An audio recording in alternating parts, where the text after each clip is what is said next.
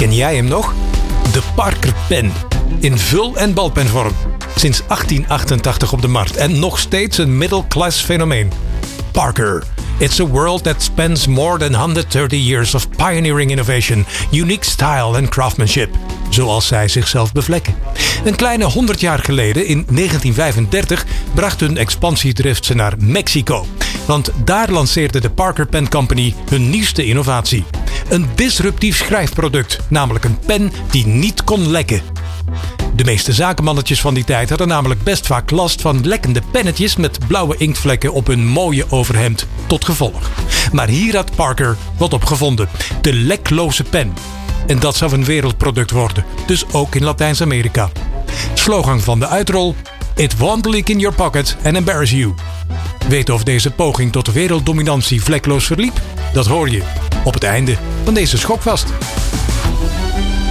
Welkom bij Schokvast, de podcast die je helpt te wapenen tegen de waan van morgen. In iedere aflevering van Schokvast duiken we in de veranderlijke wereld op het vlak van technologie, organisatiekunde en een klein beetje marketing. Mijn naam is Mark Schoones. En ik ben Joris van Euklom. Hallo Joris. Goedendag. Het?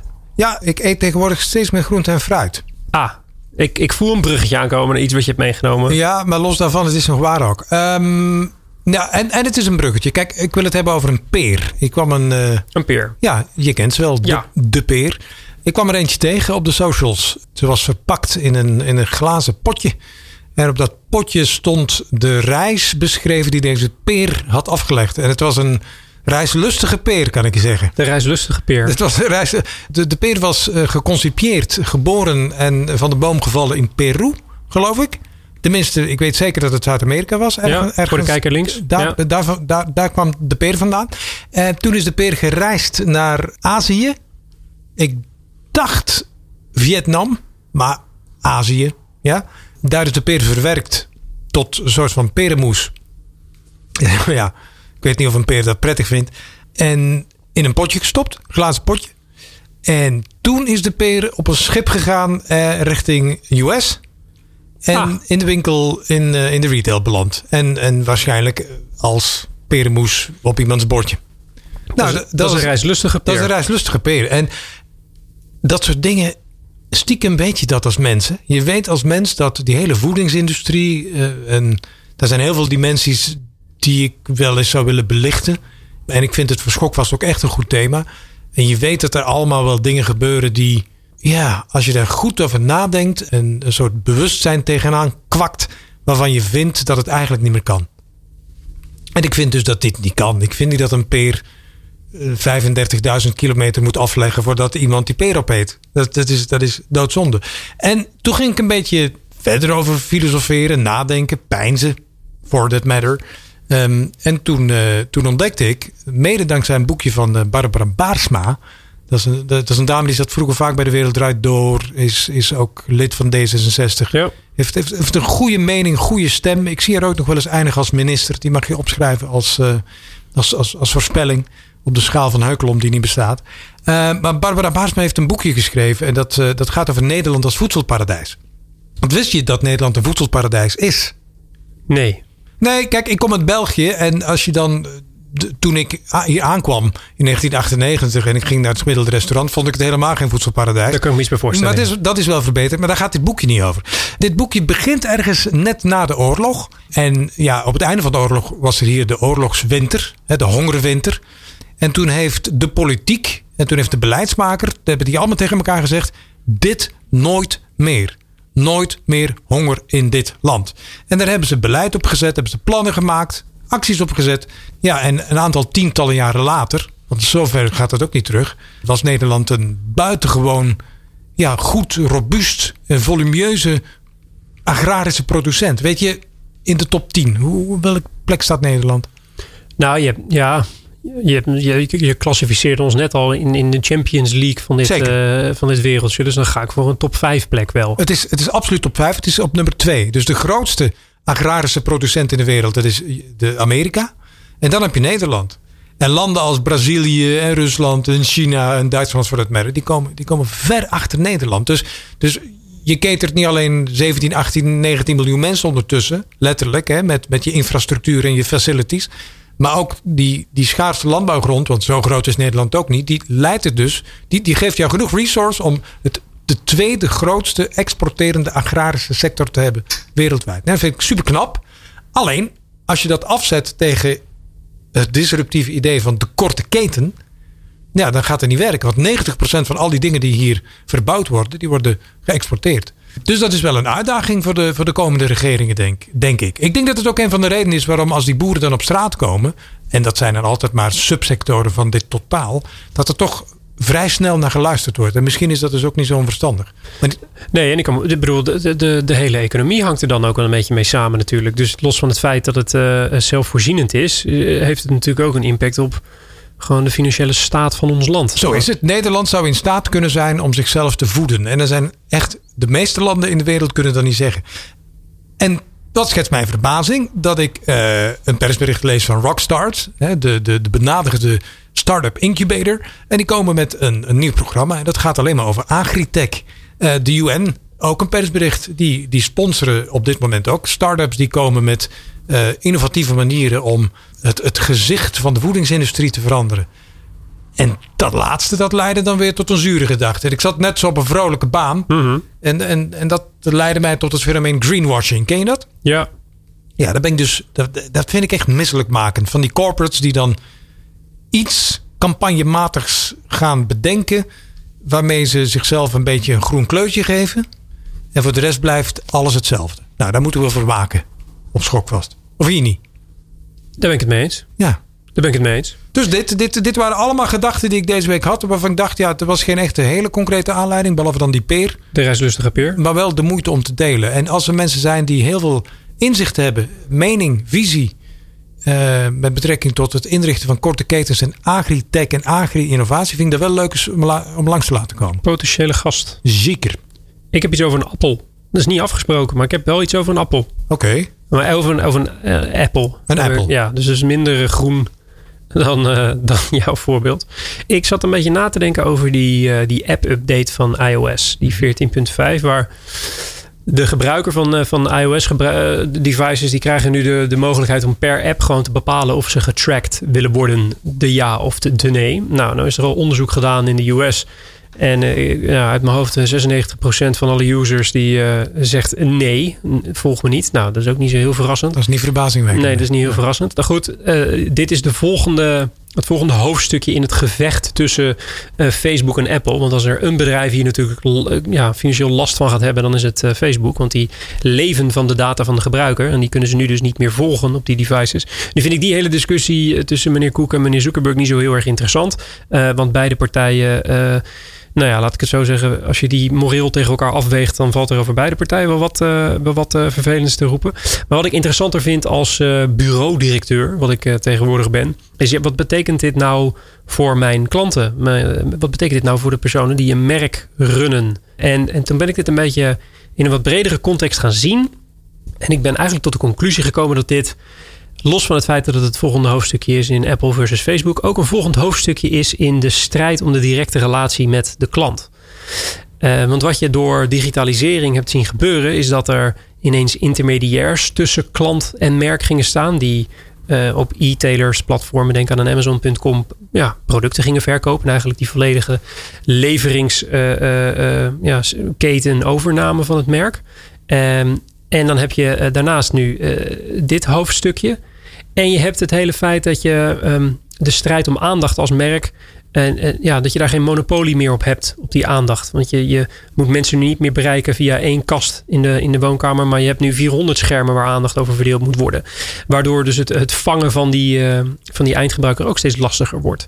Dus ik durf hier wel de voorspelling aan dat het de grootste uitdaging voor merken in de aankomende vijf jaar het scheppen van een directe relatie met een eindgebruiker is. En daaruit zal vloeien, zegt de bureaudirecteur in mij, dat iedere marketingoperatie tegelijkertijd een CRM-operatie zou moeten zijn. Dat je dat vanuit die optiek zou moeten benaderen als, uh, als hoeder van een merk. Dus om hem heel erg in, in, in Jip en Janneke taal uit te drukken, een marketinguiting moet niet alleen maar mensen raken, maar ook altijd een bindend aspect in zich hebben. Maar dat was vijf jaar geleden toch ook al en tien jaar geleden ook? Ja, maar tien jaar geleden was, was A, dat medialandschap nog niet zo versnipperd. En B, was het volgen van die gebruiker best wel makkelijk. En bestond er ook nog zoiets als organisch bereik op kanalen waar je zelf nog niet de baas was, lees Facebook. Dus daar is een hoop in veranderd in die directe relatie. De, dus de, de trucendoos is leeg. We moeten nu gaan voor authentieke verbinding. Ja, en dat is waar ik inhoudelijk op hoop, is dat merken vanuit inhoud proberen relevantie te creëren in de levens van hun eindgebruiker. En daar zouden wij dan bij kunnen helpen. Ik vond, ik vond deze zo voorspellend dat we vandaag de schaal van schoonheid gaan overslaan, als je het goed vindt. Lijkt me een goed plan. Oké, okay. nu naar de gast. We gaan naar de gast. De gast van vandaag combineert de code van Bordeaux met de code op het scherm. We hebben het natuurlijk over het samenbrengen van een nobele journalistiek en innovatieve technologie. Dat is waar onze gast naar streeft. Dat doet hij door periodiek te laveren tussen het docent en het ondernemerschap. Hij gaf les in User Experience en Interaction Design op de Hogeschool van Utrecht. Reisde voor Google News Lab als teaching fellow heel Europa door om nieuwsorganisaties wegwijs te maken in de digitale wereld. En tegenwoordig runt hij het platform Future Journalism Today, waarop hij redacties van vandaag introduceert aan de techniek van morgen en vooruitstrevende denkers uit de journalistiek aan de tand voelt. En daarnaast is hij ook verbonden aan Fathom, een internationale consultancy firm voor journalistiek. Innovatie, media, tech. Nou, dan heb je onze aandacht. We verwelkomen in de studio Laurens Vreekamp. Dankjewel Mark, dankjewel Joris. Ah, ja. Laurens, hoe is het met je? Uh, het gaat goed. Ja. Ik kom wel net, uh, nou niet, kom net wel, wel niet. Ik kom net uit een, uh, uit een online workshop praktisch aan de slag met artificiële intelligentie voor journalisten. En die heeft zes uur geduurd. Dus ik moet er even van loskomen en, en nu in jullie podcast intunen. Wat hebben ze geleerd? Wat ze vandaag hebben geleerd is vooral bedenken hoe ze hun data juist preppen, klaarzetten, filteren, cleanen, maar ook downloaden. Maar vooral ook welke AI-powered tools al bestaan, gratis zijn. En voor hen te gebruiken zijn, maar ze wellicht nog niet kenden. Dus dat is, dit was dag twee en dan gaat het over AI-powered tools en je eerste idee Tof. zetten. Ja. Tof. We willen vandaag over een aantal dingen met je, met je babbelen. We gaan het hebben over innovatieve trends in de journalistiek. Eigenlijk waar je net al op, uh, op doelt. We willen het hebben over de ethiek en technologie. Dus wat, wat nou precies al die technische snufjes doen met die eerder genoemde code van Bordeaux. En we willen het een heel klein beetje hebben over het imago van journalistiek en de invloed van tech, uh, tech erop. Geen idee of we daar overal in gaan komen. Laten we eens beginnen bij het begin. Zoals in de intro net al genoemd, je bent een, eigenlijk een soort ja, een mixje van twee dingen. Je, je beweegt je in de wereld van, van innovatie en technologie en je beweegt je heel duidelijk in de wereld van journalistiek. Wat, wat, hoe reageert men op een redactievloer als jij daar binnenkomt lopen en roept: jongens, we gaan even innoveren. Want het zijn niet de meest innovatie ja, vriendelijke omgevingen, zeg ik het zo goed? Ja, dat, dat, dat, nou ja, dat ligt eraan met wie je spreekt binnen zo'n journalistieke organisatie, heb ik geleerd. En het is wel mooi dat je dit aanstipt. Want ik zou, denk ik, tien jaar geleden nog zeggen van ja, ze innoveren daar te weinig, te traag, uh, met te, te weinig durf. En eigenlijk merk ik dat ik door de laatste jaren eigenlijk terugkom op uh, op mijn eigen uh, haast, mijn eigen gejaagdheid in, voor die vernieuwing. En wat je, je interesseert ook, ik heb interaction design, user experience design gestudeerd. Ik ben in 99 begonnen. Nou ja, weet je, het, het commerciële open web stond ook nog in de kinderschoen. Je had geen social media. YouTube bestond nog niet toen ik afstudeerde in 2003. Toen schreef ik uh, mijn, mijn master thesis over hybride nieuwsmedia ecosystemen. Dus de traditionele media gaan online. Alternatieve stemmen komen online, zien er hetzelfde uit. Wat doet dat met de boodschap en met het publiek? Maar ja, toen kon ik social media nog helemaal niet bevoeden. We hadden alleen Wikipedia en blogs. Daar werd wel enthousiast over geschreven. Maar wat dat voor impact zou hebben, dat wisten we niet. Maar ik dacht, hier moet de journalistieke organisatie mee aan de slag. Het gaat om die gebruiker. Die kunnen zelf, user-generated content was die tijd helemaal het woord. Eh, het begrip, dat kunnen ze zelf gaan maken. Wow, nu komt de waarheid nog veel kleuriger. Uh, aan het licht kaleidoscopischere meningen en, en perspectieven. Daar wordt iedereen beter van. Nou, nu is het 2021 en zitten we toch in een heel andere werkelijkheid dan ik in 2003 had bevroed. Ja. Um, dus nu zeg ik, ja, die innovatie, die is er wel. Het ligt eraan met wie je uh, spreekt en op welke snelheid die nodig heeft en hoe de mensen meegaan, welke mensen zitten daar. Dus ik denk, ja, het is misschien iets meer cliché of iets, iets trager en iets, um, ja, zou ik het zeggen, minder sexy. Want die grote stappen hoeven niet altijd. Toen ik net afstudeerde dacht ik, grote stappen, grote concepten grote dingen uitproberen. En nu denk ik, nou begin maar klein en hou rekening met context. Uh, dus toen was het content vernieuwen, nu is het context uh, ja. meenemen. Is dat, um, dat minder urgente gevoel van grote stappen willen nemen, hangt dat een beetje samen met dat de journalistiek zijn online businessmodel enigszins gevonden heeft? Is dat, hangen die twee dingen bij aan elkaar vast in jouw optiek? Dat deels, maar dat is natuurlijk ook nog steeds aan een verandering onderhevig. Het komt denk ik ook uh, door het feit dat ik misschien zelf heb gemerkt... waar heb ik nou wel impact gehad of effect gehad met mijn... of het nou mijn docentschap was of het adviseren van redacties... waar heb je nou veel effect? En dan is het roepen, jullie doen alles verkeerd... jullie moeten dat gaan doen. Dat werkt vaak niet heel, heel productief, proactief. Um, maar ja, goed, dat, dat uh, zal iedereen uh, beamen. Maar ik dacht, nee, je moet, je moet mensen wakker schudden. En ik kom er nu veel meer achter ik moet eigenlijk kleine luikjes openen in de, in de, in de breinen, zeg maar. En wat, laten zien. Wat, wat, wat is een van die kleine stapjes, die kleine luikjes? Een, een thema waarmee veel nieuwsorganisaties worstelen op het gebied van innovatie? Nou, een van die dingen is toch wel vaak. Uh, die vinden, als je bekend bent met design thinking, hè, ik kom uit de interaction design hoek, met, dan is het user-centered denken. Dat begint nu steeds meer ook gewoon voet aan de grond te krijgen en wordt steeds meer gemeengoed in de, in de workflow. Dus als er een, een onderwerp wordt gestart, we gaan onderzoek doen of we gaan een artikel schrijven over. Dan worden gelukkig al steeds vaker de designers ook meteen betrokken. Worden programmeurs betrokken. Misschien zelfs iemand van marketing of iemand die veel van, uh, van klantonderzoek weet. Om te vragen van waar zitten die mensen? Welke, met welke onderwerpen zijn ze nu bezig? Ik vind dat een mooi voorbeeld van, uh, van NRC, Wouter van Noord. Die heeft de Future Affairs podcast, ook een nieuwsbrief. Is heel actief op LinkedIn haalt daar heel veel informatie, gaat in gesprek met, met zijn lezers en zijn publiek. Ja. En dat benut hij door al zijn kanalen heen. Nou, dat vind ik een heel mooi voorbeeld. Dat, weet je, dat ik kan zeggen, dit riep ik 15 jaar geleden al, dit moet je doen. Deden ze het niet. Nu doen ze het wel, zien ze de waarde. Maar het is bijna een, een, een tactisch iets. Hè? Het, is, het is de personal brand van de journalist die eigenlijk als een subbrand het fundament vormt van het NRC op dat moment. Ja, in die zin wel. Dus dit is ook tactisch. Maar het is denk ik ook als we nu zeggen van je moet naar je gebruiker luisteren. En bij journalisten moet je altijd oppassen. Mag je niet zeggen uh, gebruiker gestuurd of data gestuurd of data mhm. gedreven. Maar gebruiker geïnformeerd, data geïnformeerd. Nou, dat is al dat voorzichtigere stapje. Dan, dan heb je meer aandacht.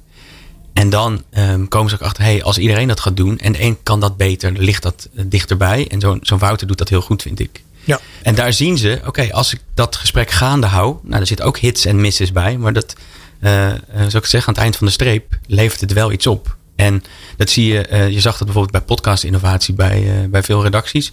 Daar begonnen een paar pioniers mee. Veelal misschien wat jongere journalisten, niet altijd, maar vaak wel. Die begonnen. En wat was de eerste reactie? Dan weet je in welke fase je zit ja, wat is dit voor spielerij? Waarom zou een krant of een tv-redactie met podcast moeten gaan werken? Dat is toch helemaal niet on-brand, past niet bij onze core, is niet onze stijl, daar bestaan we niet voor. Dan komt daar een eerste succesje, dan gaan de, de, de oude wolven zich bemoeien en zeggen, nou, het is wel leuk, maar je doet het echt nog niet goed. Dit kan veel beter, je moet dit, dit en dat doen. Nou, dan wordt daarvan geleerd, dan wordt er iemand uitgenodigd, komen, komen er meer successen. En dan wordt het een eer om uitgenodigd te worden, om aan die podcast deel te nemen. En, op, en fase 4 is, iedereen komt met een podcast idee dat is een beetje, dit geldt voor podcasts, maar dat kun je straks voor AI waarschijnlijk ook verwachten. Dit soort faseringen. Dit is een beetje uit mijn eigen observatie. Ja, het klinkt, het klinkt een beetje als de Gartner Hype Cycle, zou ik bijna zeggen. Ja, maar dit, dit is wel hoe ik het ook hoor van andere journalisten en op redacties, dat het vaak zo gaat. Inderdaad, dat eerst dat. Ja. Hoe belangrijk is geld verdienen als het gaat om innovatie?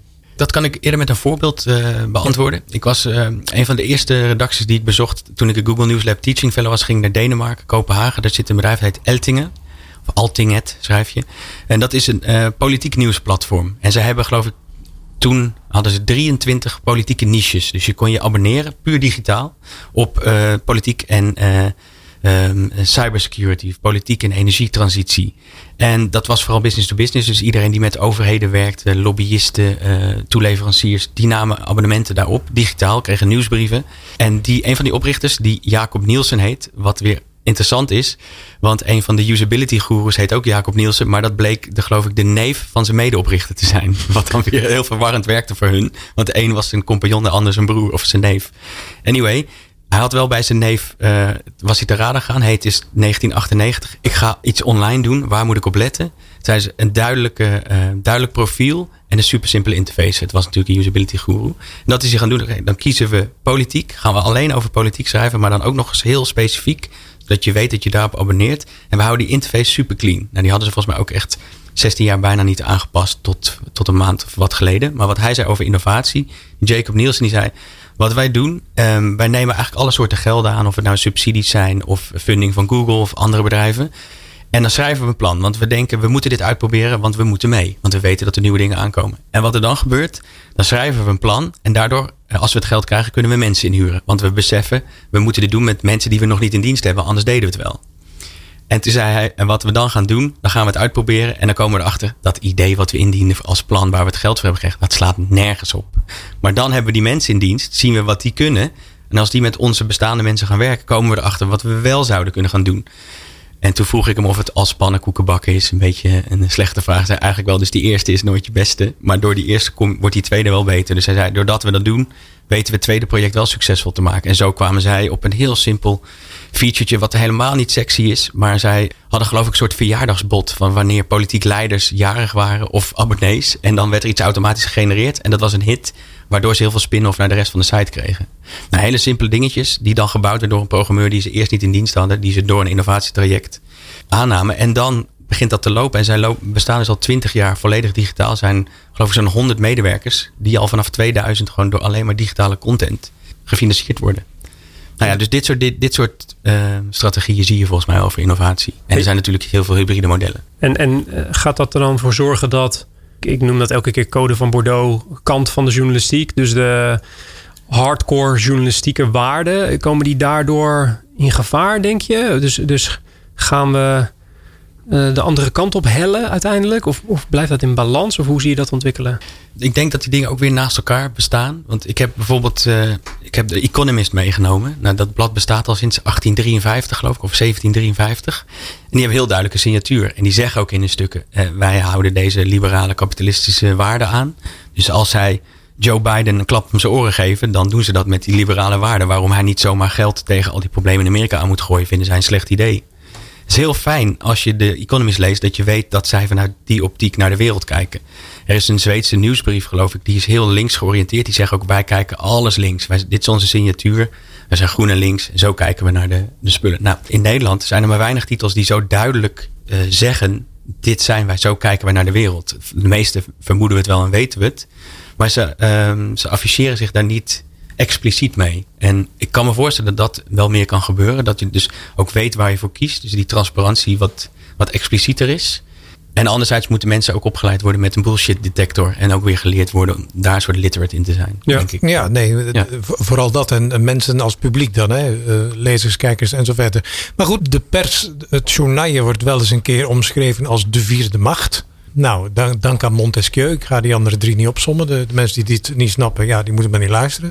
Maar de vierde macht dus heeft dan technologie en innovatie en alle dingen die nu kunnen en 30 jaar geleden niet. Heeft hij de vierde macht krachtiger gemaakt? Of heeft hij eerder de vierde macht een beetje uitgehold? Of is er niks veranderd? Dat kan ook nog. Ja, dat, dat is ook wel weer. Die, vraag is ook weer niet eenduidig, denk ik, uh, te beantwoorden. Wat ik toen, toen ik mijn onderzoek deed voor mijn thesis, toen zeiden van, nou, misschien is dat internet wel een vijfde macht. Hè? Kan de burger, de alternatieve media kunnen daar nog een extra laag aan toevoegen? Nou, dat, dat is volgens mij niet waar we nu zitten. En wat ik denk is dat journalistiek natuurlijk heel erg op zoek is naar zijn rol. En um, ik heb nog een ander boek meegenomen van uh, Remy Gieling, voormalig uh, hoofdredacteur van Sprout. En die, um, die, die, volgens mij haalt hij weer Bas Haring aan, een filosoof. En die zegt um, bijvoorbeeld, wat, als je het hebt over de toekomst van, wat is werk? Maar je kunt ook vragen, wat is journalistiek? En dat vind ik eigenlijk wel interessant om, dat, zeg maar, om die vraag te stellen. Dus nou ja, als je die code van Bordeaux hebt, of als je zegt, waarom is de vierde macht er? Holding power to account is natuurlijk één belangrijke. Je moet de macht kunnen bevragen. Mm -hmm. En aan de andere kant heeft het ook een rol om de burger te informeren, zodat hij of zij het leven zo kan leven, zodat hij zijn juiste keuzes, wel overwogen keuzes kan maken. Volgens mij moet uh, de journalistiek dat ook doen. En Mark zei net in de intro, volgens mij, ja, ik, ik heb een reclamebureau en wij verkopen spullen aan mensen die daar niet, niet op zitten te wachten. Niet op zitten te wachten. Nou, journalisten zeggen heel vaak, wij schrijven ook verhalen. We brengen ook verhalen waar mensen niet per se om gevraagd hebben. Maar het is wel belangrijk dat ze weten dat dit gebeurt. Ja, maar, en dus daar, daar zit ook mhm. wel een, een, overeenkomst in die ik, zin. Ik, ik, ik, doe altijd per uitzending één jaar maartje. Die doe ik dan nu. Okay. Want we leven wat dat betreft wel in een heel boeiend tijdsgevricht. Hè? Um, met, met corona en dashboards en cijfers en data. Uh, en, en duidelijk twee kampen of meerdere kampen. En ja, de, zelfs de, de, macht en de functie van het parlement wordt bevraagd op dit moment. Hè. Dus sommige parlementen zijn ook echt buitenspel gezet met noodwetten enzovoort enzovoort. En dat is een boeiend tijdsgevricht. Dat zal de komende jaren zal dat ook, denk ik, uh, voor velen het subject geweest zijn of het object geweest zijn van een studie en van onderzoek. Dus daar gaan we heel veel van leren.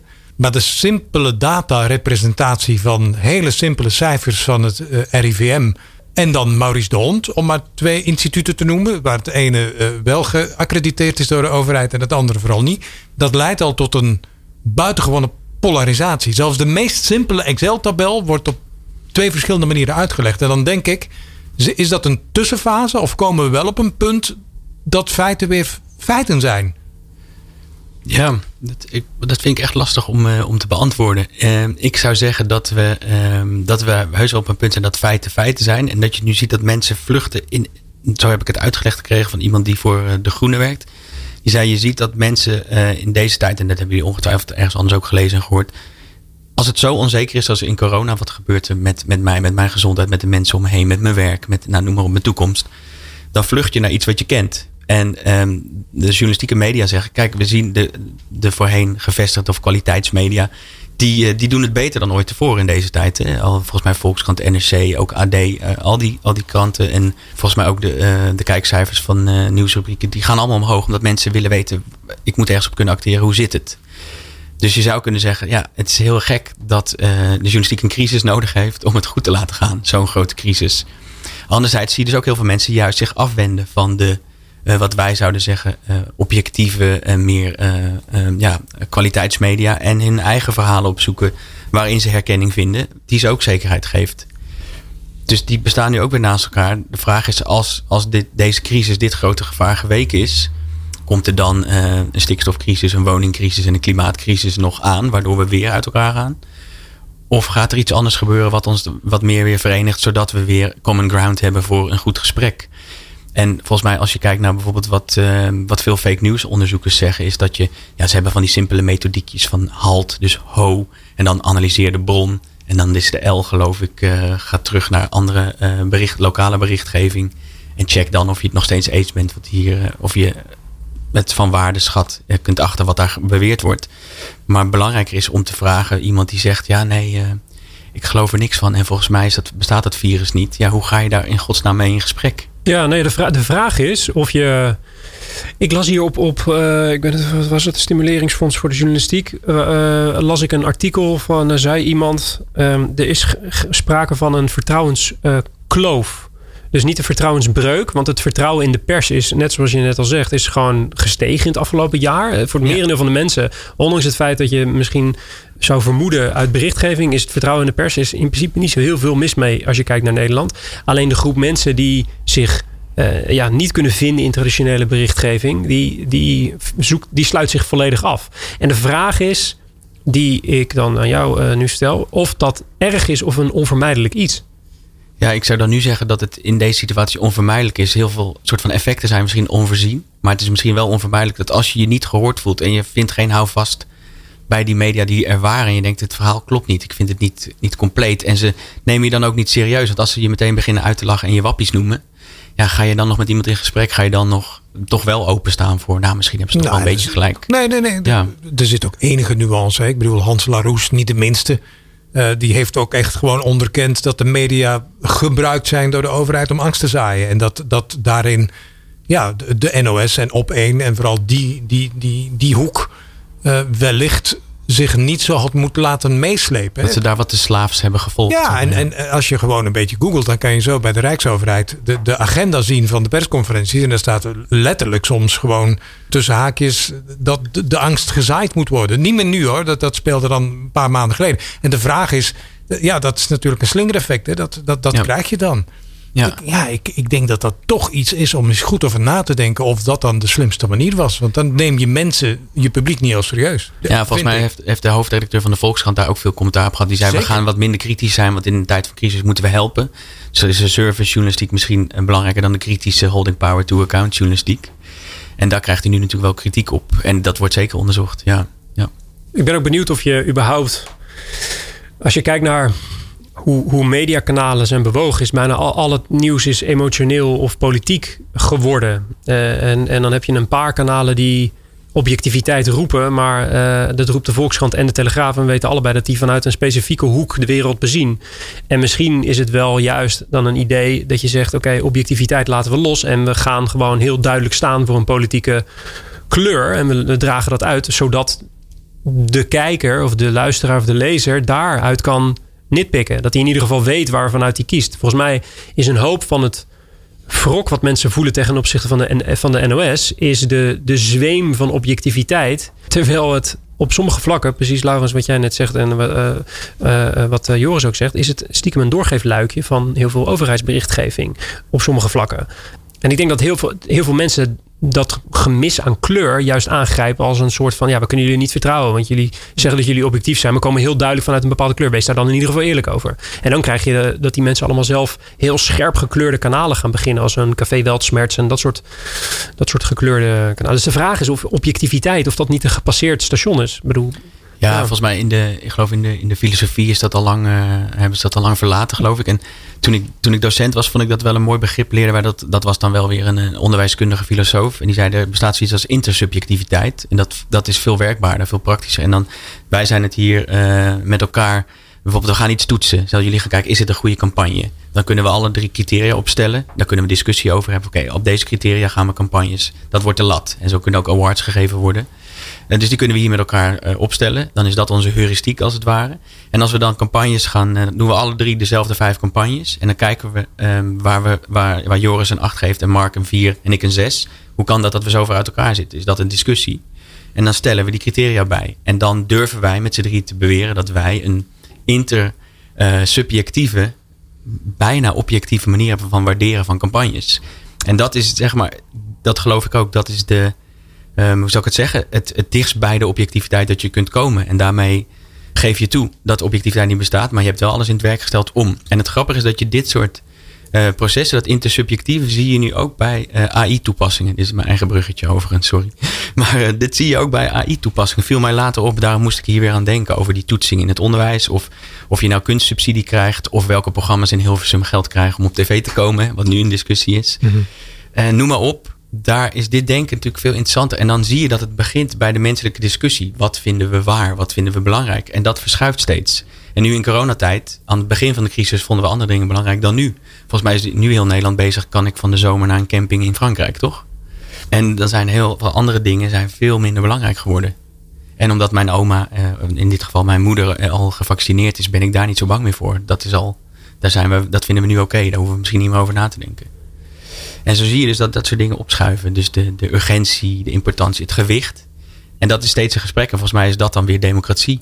Dus niet van, oh, we kunnen het nooit eens worden, dus democratie werkt niet. Nee, democratie gaat uit van het punt dat je het oneens bent, dat er verschillende zienswijzen zijn en je zoekt de best mogelijke consensus op. Dus, dus, dus zeg je daarmee, ik probeer het even te ontrafelen wat je zegt. Zeg je daarmee dat AI een deel van die objectiviteit kan opvangen? Of een soort van de menselijke factor die risicovol is voor die objectiviteit een soort van kan wegpoetsen? Nou, het grappige is, dat kan ik denk ik best met een voorbeeld uh, uitleggen. Dus ik denk dat eigenlijk doordat we moeten nadenken over de toepassingen van de AI in ons leven, of je nou onbewust hebt, of we nou een verzekeringspolis of een subsidie krijgen of aangenomen worden bij een bedrijf, waar heel veel van dit soort AI-systemen al gebruikt worden. Dat we van bewust zijn dat mensen besloten hebben waar die een rood vlaggetje of een groen vlaggetje zet. Denk ook aan de toeslagenaffaire net zo goed. Um, een voorbeeld wat ik het beste ken is de, journalist van de Groene, uh, Groene Amsterdam, Koen van de Ven. Die heeft het onderzoek gedaan naar seksisme onder uh, politie, vrouwelijke politie op social media. En hij zegt altijd, Twitter is geen afspiegeling van de samenleving. Maar zijn onderzoek gaat altijd, wat gebeurt er online? Vindt dan zijn weg naar een soort online mainstream. En kan dan zelfs in de reële samenleving een effect hebben. Denk aan het in brand steken van 5G-torens. Dat begon misschien ergens op de fringes op een Telegram groep kwam misschien naar Twitter. En op een gegeven moment gingen mensen die dingen echt in de fik steken. Nou, dan is het een serieuze bedreiging voor de reële samenleving. Nou, wat hij heeft gedaan met dat seksisme, zijn ze gaan kijken wat voor soort bedreigingen krijgen uh, uh, Sigrid Kaag, Bente Becker, Kautar uh, Bouchalikt van GroenLinks. Wat krijgen die nou? En toen hebben ze een modelletje van Amnesty gebruikt. Dus Amnesty heeft dan een model waar gaat haat en discriminatie over. Is dat gender gebaseerd? Is dat etniciteit, religie, lichaam? Oké, dan gaan we die tweets, die hebben ze met de Universiteit van Utrecht, hebben ze die gescraped. Een miljoen tweets geloof ik van de afgelopen anderhalf jaar. En dan krijg je een tweet, ik leg hem aan jullie voor. Lelijke dikke landverrader. Wordt dan een van die politica's uh, gestuurd. Waar zou je hem onder labelen? Xenofobie. Nou, je, je, kan kiezen uit dus uh, lichaam, um, gender, etniciteit en religie. En naar wie was dit gestuurd? Nou, naar een, maakt eigenlijk niet uit naar wie, maar naar een van die, uh, van die vrouwelijke politie op Twitter. En dit is nog een hele milde. Dan, dan, denk, ik, dan denk ik religie. als ik me een heel klein beetje kan verplaatsen. Een lelijke, dikke Lelijke, landverrader. dikke landverrader? Ja, ja ik etniciteit dan. Ja, in dit geval hebben zij hem bij lichaam. Eh, omdat het lelijke, dik en landverraden, ja, dat is lastig. Maar, en zo, eh, daar komt dus discussie over. Het is grappig dat hij hier al ontstaat. En daarom noemt hij dat ook als voorbeeld. Dus daar moet je eerst consensus over hebben. Dus hoe klassificeren... Want daarna moesten zij nog allemaal 500 tweets door. En allemaal, dit valt daaronder, dit valt daaronder. Met elkaar vergeleken, nog een discussie. En uiteindelijk hebben ze het machine learning model daarop getraind. En die heeft die nog, geloof ik, na tienduizenden tweets als eh, in die verschillende hokjes gestopt. Met welk, met, met, met welk doel? Met welk doel? Eigenlijk om, om uit te zoeken hoe groot is die haat nou? Waar gaan nou, wie krijgt de meeste eh, van dit soort berichten? Nou, dat bleek Kaag in absolute zin. Eh, en volgens mij, Zij krijgt ook meeste aandacht. ja, en relatief was dat Kautar Bouchalikti. En dat ging dan, dat kun je wel voorstellen, eh, vooral over etniciteit en religie. Dus zo konden ze zien wat voor haat krijgt wie en waar is dat dan meestal op, op gebaseerd. Is het haat of agressie? Daar hadden ze ook nog onderscheid in. Om te kijken hoe groot is het. En Sigrid Kaag, die zei ook van, ik, ik, tuurlijk wist ik dat ik deze verwensingen krijg. Maar dat ik nu de, de cijfers erbij heb en het overzicht. Dat ik niet de enige ben. En dat anderen dat ook hebben. Dat, dat kaart wel iets aan. Het zet iets op de kaart wat we verder moeten aanpakken. Dus dat heeft wel impact gehad, hun onderzoek. Nou ja, dat, is- maar er zit ontzettend veel handwerk in. Wat is ook weer heel interessant is met dat labelen en die discussies. Dus het start bij mensen. Eh, Kan ik een bruggetje maken naar iets zoals fake news? Dat kennen we allemaal wel ondertussen, dat fenomeen. Het, het is iets wat leeft. Het is iets wat bestaat. We hoeven dat denk ik niet uit te vlakken, uit te hollen. Het is een groeiend fenomeen. In US zie je daar hele grappige vormen van. Vanuit ons perspectief. Dan kan je dat dan grappig noemen. Maar dat is eigenlijk serieus en, en, en- en doodernstig. Hoe als dan de journalistiek de vierde macht vertegenwoordigt. En wellicht de digitale internetjournalistiek de vijfde macht. Nou, die samen opgeteld als heel veel macht. Hoe gaan die een samenleving wapenen tegen fake news? Ja, ik denk dat het een meervoudige aanpak is. Eén is eh, literacy. Zou je kunnen zeggen, de journalist die kan schrijven over GPT-3. Volgens mij hebben jullie het al een eerder podcast over gehad. Hè? Die, eh, dat is zo'n taalmodule, AI-module, die eigenlijk werkelijk alle teksten kan schrijven die, je- die je van eh, hem of haar of het vraagt. Dus ik denk als journalisten daar toegang tot hebben en daarmee gaan experimenteren, dan komen ze erachter wat het doet, wat nu het huidige niveau is, wat ze er zelf van vinden. Maar deels ook, het gaat er niet alleen om wat ze er zelf, als ze er individueel mee werken, zeggen, ja, dit, dit neem ik niet voor waar aan. Ja, maar iemand die in een dorpje verderop woont, misschien wel. Dus die impact beseffen. Nou, dus ik kan me voorstellen, begin bij de mensen die, die, het, die eh, voorheen misschien het alleenrecht hadden op de productie en de verspreiding. Eh, laat die zien hoe makkelijk anderen dit nu ook kunnen, die niet geschoold zijn om dit te doen. En, en het lijkt levensecht. Dus dat besef. En dan zou ik zeggen, dan eh, heeft het ook met literacy te maken eh, in onderwijs, denk ik ook. Het heeft te maken met overheidsregels. nou ja, de EU heeft nu natuurlijk een heel mooi voorstel voor een framework van wat gevaarlijke AI is en wat toelaatbare AI is. Ik denk dat dat kan helpen. Ik denk dat de industrie aan een ja, self-assessment zou moeten doen. En ook, eh, denk ik ook, ik was vroeger meer techno-utopist, maar ik ben ook een realist. Ik denk dat technologie hier ook een rol in speelt. Ik kan me heel goed voorstellen dat als je als, eh, als gewoon als persoon, als burger, als individu eh, een video of een, een tekst op je telefoon krijgt, dat je misschien ook een bullshit detector-achtige app hebt die tegen jou zegt: hey, we vermoeden dat Ja. dit niet helemaal klopt met de feiten of vanuit andere bronnen die we kennen. Dit is de, de, de origine hiervan is eh, een AI. En dat zou misschien, ik weet niet of dat dan weer verplicht moet worden ingebakken in onze computers, zodat dat er een soort eh, ja, een zegel op zit die aangeeft of het wel of niet goed is. Maar ik kan me voorstellen, het zou heel interessant zijn als tech met universiteiten en overheden dit gaat ontwikkelen. Zoals bijvoorbeeld de coronamelder. Ja. Wat natuurlijk best een interessante exercitie was dat die verschillende partijen nu zo hebben samengewerkt. Zeker, dus, dus wel actief gaan meespelen hier. Ja, zeker. Dat hoor ik je wel zeggen, heel duidelijk. Ja. Ja. ja, wat het interessant is, is dat je eh, vaak als er keurmerken en dergelijke opgeplakt moeten worden, dan komt de overheid erin en die duwt dan allemaal stickers op een plakje sigaretten of op, op, op, op, op vlees of iets dergelijks. Alleen hier zitten ze natuurlijk in, zijn ze ook een hoofdrolspeler in, in dat eh, spel der machten, zeg maar. Dus dit moet wel een samenwerking gaan worden van verschillende instituten die Ja. zo'n keurmerk of stempeltje of eh, alert appje dingetje ontwikkelen. Ja.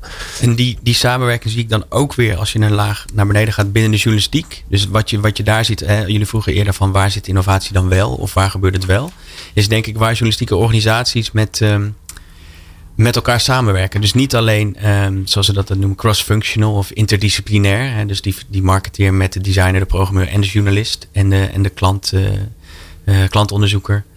Die werken samen, maar ook dat die, je ziet het nu steeds meer, bijvoorbeeld Pointer van de KRO, NCV, NOS en De Groen hebben samengewerkt om bijvoorbeeld het algoritme van Instagram te checken hoe dat met, tijdens de verkiezingen met politici en hun beelden omging. Dus daar zie je, die werken ook weer met een Duitse NGO, Algorithm Watch. Dat is een interessant voorbeeld. Follow the Money werkt bijvoorbeeld weer met Investico. We kennen eh, wat journalisten altijd mooie voorbeelden noemen, zijn de Panama Papers, Paradise Papers, internationale samenwerkingen. Dus daar zie je dat ook. Die worden steeds gebruikelijker. En dat soort kruisbestuivingen. En ik denk ook de, de cultuur. Want Mark, jij, jij vertelde nog uh, hiervoor, uh, voordat we begonnen, dat je uh, school van journalistiek hebt gestudeerd. Dat heel veel dingen houden, journalisten houden heel vaak kaarten tegen de borst. Uit een scoop, of je wil je Rolodex niet vrijgeven. Of ja, dit is jouw verhaal. Terwijl als je een design of een developer achtergrond hebt, dan ben je heel erg gewend om work in progress te tonen, feedback te vragen. Het zit veel meer in die cultuur. En die culturen die mengen zich nu met die redactieculturen. Waardoor die journalisten ook wel zien, hé, hey, maar eigenlijk werkt het wel als ik me half af een stuk een keer aan iemand half pitch. Ja. Wordt hij weten van. En dat kan ik ook aan mijn publiek doen. Ik wil, ik wil overigens uh, Follow the Money de eerste schokvaste award 2021 geven. Ik had overigens niet overlegd met jou dat we die gaan uitreiken, maar bij deze. ik, eh, ja, ik kan er nu weinig meer aan veranderen. Ja, jij gaat hem, uh, jij brengt hem. Het staat op de band, dus nou ja, het staat. Nou ja, weet je, zij hebben en een businessmodel disruptief veranderd. De manier dat zij geld binnenkrijgen is heel anders. Ja. En hun Uber-narratief, namelijk Follow the Money ja, dat heiligt alle technologische middelen waar jij ook heel warm van moet worden. Dus ik, ik vind dat, uh, ja, ik, ben, ben fan van die show. Ja, zij zetten nu ook weer hun publiek in hè, om die Shell Papers uh, te, te, doorgronden en door te, te pluizen. Ja. Maar vind je het een goed idee, een award? Ik vind het een goed idee. Maar misschien een beetje voorbarig om nu dan ook eenzijdig te bepalen dat zij gaan winnen. Maar misschien... ja, wat zijn de criteria om de award te winnen? Ja, geen idee. Die moet je wel, daar moet je transparant over zijn. Het is een vrij dictatoriaal ingezette koers dit. ja, oké, het was fake nieuws. Zullen we um, gaan bellen? We gaan bellen met Aangezien sommige zaken in het leven van Mark en mij onverklaarbaar zijn, hebben wij behoefte aan gidsing. En die gidsing die vinden wij bij Burm. Hallo. Ja, ik, ik, ik was uh, Burm tegen het lijf gelopen overigens. En, ja. Uh, ja, en, en toen vonden wij dat zeer romantisch dat we via een hele klassieke telefoonlijn nog steeds dit, dit moment met elkaar hebben. Dat, dat is hartverwarmend. Dat ook oude technologie nog in schokvast deze, dit moment kan faciliteren. Vinden we prachtig. Ja, Oké. Net het uh, Polygoonjournaal. hey, luister. Ik, uh, ik verbaasde mij uh, deze week over Elon Musk. Ja. Dat doe ik bijna wekelijks zo. Maar nu, nu vierde hij het feit dat hij Asperger had. En het was, het ja. Was, ja, en dat, het was net nog geen promotie. Voor, want als je tegenwoordig niet op een of andere manier een DSM-5-indicatie hebt, dan kom je niet meer in het leven, denk ik. Dus ik heb nee, meteen dat... de dokter gebeld en gezegd: kom maar, kom maar door met je pilletje. Hoe, hoe moet ik daarmee ja, omgaan? Vertel het me. Nou, ik snap dat toch uh, nog wel. Hè? Dat, de vraag is eigenlijk, wat is nog normaal? Uh, en, en, en, jij en jullie zijn hele normale mensen natuurlijk. Maar als normaal persoon zou ik me dus nu toch wel grote zorgen maken over het voorbestaan van je zorg. Elon Musk die zit dus op het spectrum, zoals dat heet. Uh, en ik vind het op zich niet raar, want het spectrum van Elon Musk is nogal breed. Hij gaat van betaalsystemen tot zonnepanelen, van elektrische auto's tot vluchten naar Mars. Maar het gaat hier dus over dat autistisch spectrum. En ik weet er toevallig iets van. Vroeger noemde men dat Asperger, dus een lichte vorm van autisme met specifieke kenmerken.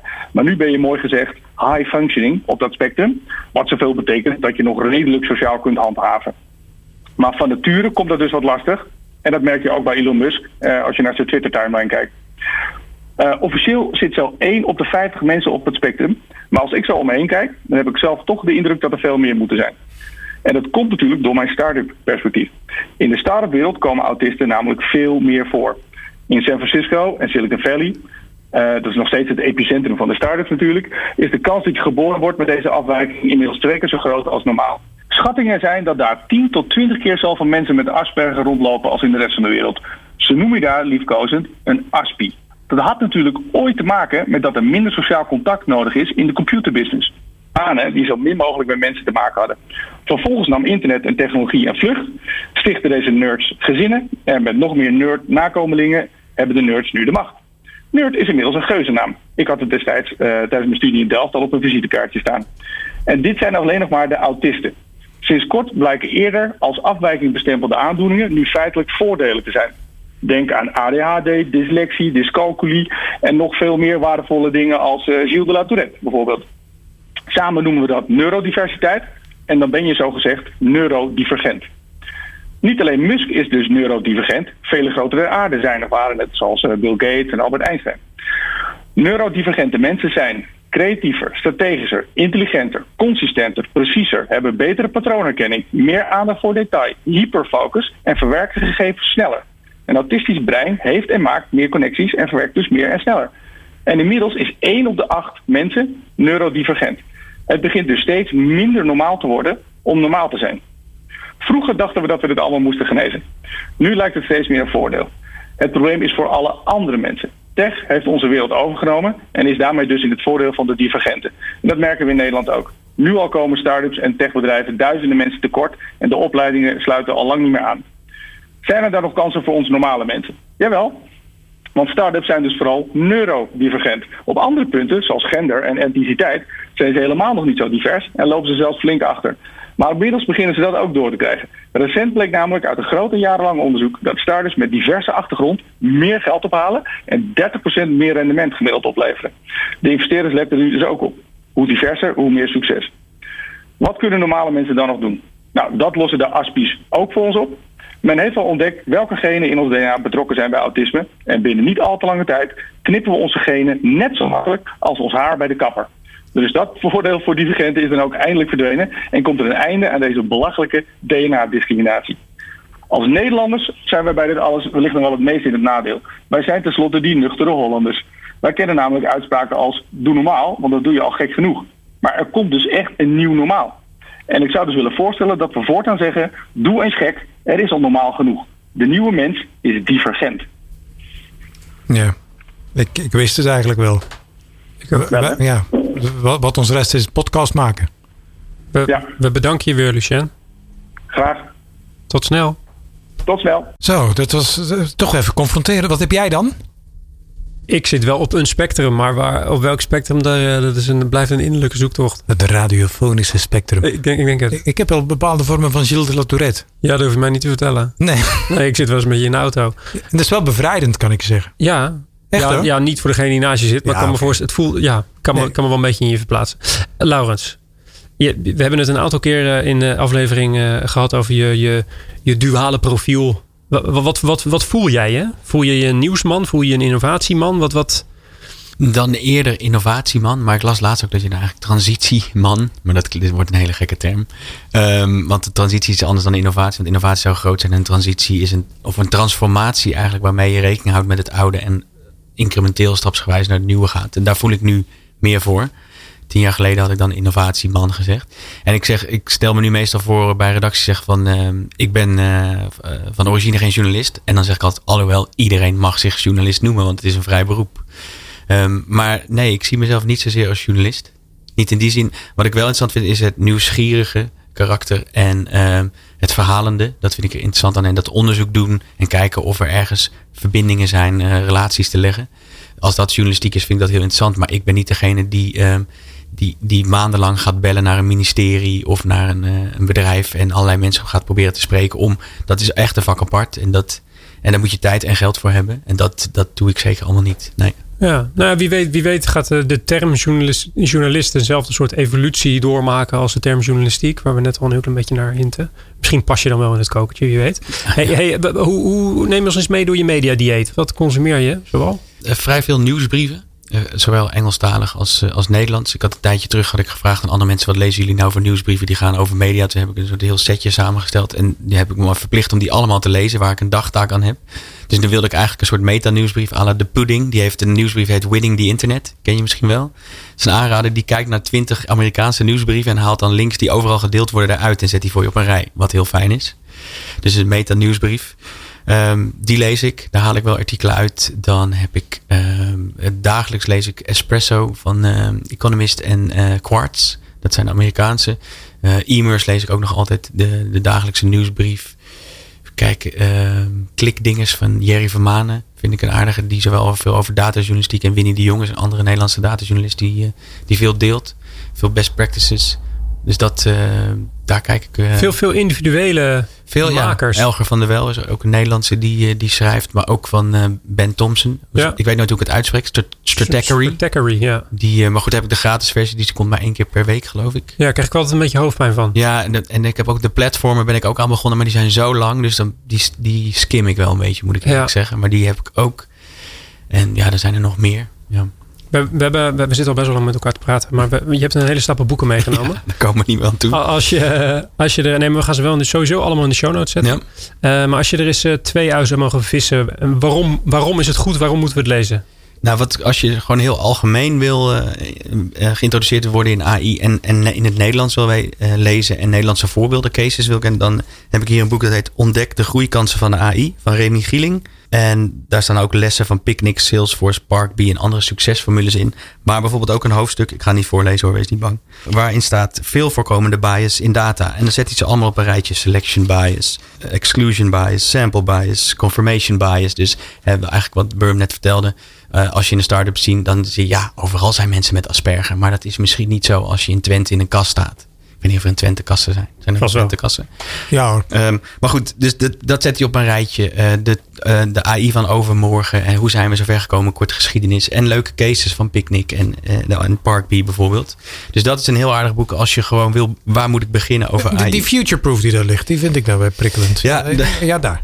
Die, uh, die heb ik nog niet gelezen, maar ik dacht, ik heb hem net besteld. Dus ik heb hem net binnen. Die is van Kevin Roos. Roos. Hij heeft uh, Nine Rules for Humans in the Age of Automation is de ondertitel. En daarin is hij begonnen vanuit angst. Het is een New York Times columnist, zoals Thomas Friedman vroeger was. Ja. Zeg maar, is hij denk ik een beetje de nieuwe. Dus hij schrijft over innovatie en dit gaat dus over the Age of Automation. Maar negen regels die we als mensen zouden moeten hanteren om met AI te werken. En volgens mij is een van de belangrijkste punten werkzame, eh, hybride, augmented, wees niet bang. En wat ik steeds vaker lees is, dat staat hier ook wel. Um, hij staat hier, treat AI like a chimp. Ik lees steeds vaker dat denkers, zowel uh, AI'ers als filosofen zeggen, het is gewoon een dier. Dus je gaat met je hond en met dolfijnen gaan we anders om dan dan, eh, en zo kan je AI zien. Ze hebben gewoon een eigen rol en een eigen manier van mee omgaan. En dat is ook wel weer geruststellend ergens, vind ik. Hey, ergens in de loop van het gesprek nog ver voor Burm, eh, die, die daarnet langskwam, had je het over het feit dat je wel uh, in de beginfase, zeg maar twintig jaar geleden, een tech-optimist was. Ja. En dat dat deels gekanteld is. Waar is het naartoe gekanteld en wat zijn de oorzaken daarvan? Ja, ik denk ook toen ik in het onderwijs ging werken, leer ik ook zoiets als een andere stroom die sociaal constructivist, uh, constructivisme heet. En dat is eigenlijk dus werken met de kennis die in die groep zit. Ja, en als die groep niet te veel divers is, niet te veel nieuwe input krijgt, dan kan dat ook een beetje een, een, een eigen leventje gaan leiden, bijna letterlijk. En dat zie je online ook gebeuren. Dus toen ik mijn scriptie schreef in uh, 2003, toen dacht ik, ja, dit is de democratisering van, uh, van content en van inhoud. En mensen kunnen nu die. Want online kon je al zijn wie je wilde zijn. Ook had je beperkingen. Het internet nam dat weg. Je vond gelijkgestemde. Dat was die utopie. Verbinden, verbinden. En ja, die techniek gaat heel veel dingen oplossen. En uiteindelijk blijkt dat dus ook maar weer een technologie te zijn. Een techniek die zowel goed of fout is. Ook dat is weer te kort door de bocht. En dat is dat, dat uh, instrumentalisme. Dus een hamer, daar kan je iemand zijn hersens mee inslaan, maar ook een, een, een stoel mee, uh, mee maken. Maar dat is ook te kort, want volgens mij heeft een andere spreker, dat andere gast dit ook gezegd, McLuhan, we shape our tools thereafter, our tools shape us. En ja, doordat het wel vanuit een bepaalde mindset veel van die technologie en het internet bedacht was, is het, er zijn heel veel dingen niet voorzien. En dat is niet bewust geweest, maar unintended consequences. En daar worden we steeds bewuster van. Dus je ziet nu heel veel in design en ontwikkeltrajecten dat mensen van die kaartspelletjes doen van op welke manier zou je dit allemaal kunnen misbruiken? En dan, kunnen we, dan zijn er nog unknown unknowns, om met Rumsveld te spreken. Ja. Anyway, ik kom erachter dat we vooral keken van dit, als je het zo toepast, dan is het goed. En gewoon niet zoveel keek naar het kan ook misbruikt worden. Daar was niet zoveel aandacht voor. En dat, daar is het kantelpunt wel gekomen, omdat het natuurlijk de massale adoptie, meerdere toepassingen, in meerdere uh, ja, facetten van het leven wordt die technologie gebruikt. En dan kom je erachter uh, dat het niet goed gebruikt wordt. En dat er ook uh, hele onmenselijke toepassingen zijn. Dus ik denk dat ik daar dan ja, misschien techno-realist van geworden ben. Ja, het is ook niet heel gek hoor. Ik, ik, heb, ik ooit, dat is al twintig jaar geleden ook, het genoegen gehad om Douglas Rushkoff te interviewen. En, en ik dacht dat is een tech-optimist, maar die was toen al vrij pessimistisch. Ja. Die, die sloot echt af. Ik, ik had het over, het, het, het, ja, dit wordt een feest met al die verbindingen en al die transparantie. En die zei letterlijk, ja, maar het kan ook gewoon leiden tot een derde wereldoorlog. Ja. Letterlijke tekst. En het boek Human, dat heb je vast ook gelezen van hem. Uh, dat ik heb niet gelezen, maar ik ken het. Dat is wel een tip. Ja, ja. oké. Okay, maar goed, er waren ja. boeken. Ja, ja, sorry. Ja, dat is, ja. Hey Mark. Hi. Hallo. Ik was net lekker met je, naar jullie aan het luisteren, jongens. Ja, ik, ik vind het ook boeiend. Ja. Omdat ik het moeilijk vind. Maar hoe zou jij jezelf typeren dan, Joris? Op dit moment ben ik eerder pessimistisch dan optimistisch. Oké. Maar dat, dat, dat kan variëren. En dan niet op dagschaal. Hè. Daar, zit wel, eh, daar zitten dan oorzaken en zo eh, aan ten grondslag, zoals dat heet. Eh, maar ik vind het adaptatievermogen van de maatschappij het, en het absorptievermogen van alles wat technologisch mogelijk is van het sociale collectief, of de collectieven die de maatschappij vormen, vind ik, eh, ja, vind ik onderontwikkeld. Daar kunnen al die mensen niks aan doen. Hè? Dat is niet verwijtend bedoeld. Maar we zijn dus vergeten de mensen uit te leggen waartoe het allemaal dient en hoe het gebruikt moet worden. Ja, dan krijg je wel wat misconceptions. Ja. En die zie ik wel gebeuren. Ja, en dat komt vast weer goed, denk ik. Hoop ik ook vooral. Wil ik ook aan helpen. Dat dat. Maar ik zit nu een beetje in, de, in het scepticisme. Kijk, het is niet voor niks dat al die techreuzen hun kinderen verbieden een, een, een, een mobiele telefoon te hebben. Dat is, dat, dat is natuurlijk ook zo'n zo'n weetje. Nou, die, die worden echt wel op een, eh, op een digitaal dieet gezet, die kindertjes. Ja. En dat soort dingen. Maar goed, ja, moeilijk. Ja, de vraag is ook hoe representatief dat is. Zo'n beetje. Dat, dat- is... Je hebt natuurlijk die documentaire van een paar mensen die aan die producten hebben gesleuteld. Die aanduiden wat er allemaal slecht aan is. En dat is natuurlijk ook allemaal wel waar. Maar dat is niet een, een stilstaand gegeven. Ook daarin wordt de mens meer bewust, denk ik, uiteindelijk. Mede dankzij dat soort documentaires. Dus dan is het cirkeltje weer rond, enigszins. Welk cirkeltje ook rond is, bruggetje, is, eh, is het vraaggesprek. Ehm Laurens, hartelijk dank voor je komst naar de studio. Jullie bedankt voor de uitnodiging. Kom snel weer een keer terug. Dan gaan we de rest van de boeken eh, ook bespreken. We zetten alle verwijzingen in de show notes. Dus die boeken die komen sowieso daar aan bod. Dank. Joris. Ja. Ja, jij, ben je benieuwd hoe het eh, af is gelopen met Parker? Ik ben zeer benieuwd. De pen die eh, naar Mexico reisde. Als jij hem afsluit, Dan doe ik dat. helemaal goed. Met alle respect voor een oermerk onder de pennen als Parker. Maar in 1935 verliep een poging tot werelddominantie met de vlekloze pen helemaal niet vlekkeloos. Weet je nog de slogan? It won't leak in your pocket and embarrass you. Dat woord embarrass, in verlegenheid brengen, vertaalden ze in het Spaans als embarazar. En dat was een klein foutje, want dat betekent ook zwanger worden. Kortom, de alfamannetjes in Latijns-Amerika kregen de belofte dat hun pen ze niet zou zwanger maken door te lekken. Best een krachtige belofte, maar net naast de kwestie. Dit was Schokvast. We horen elkaar weer snel.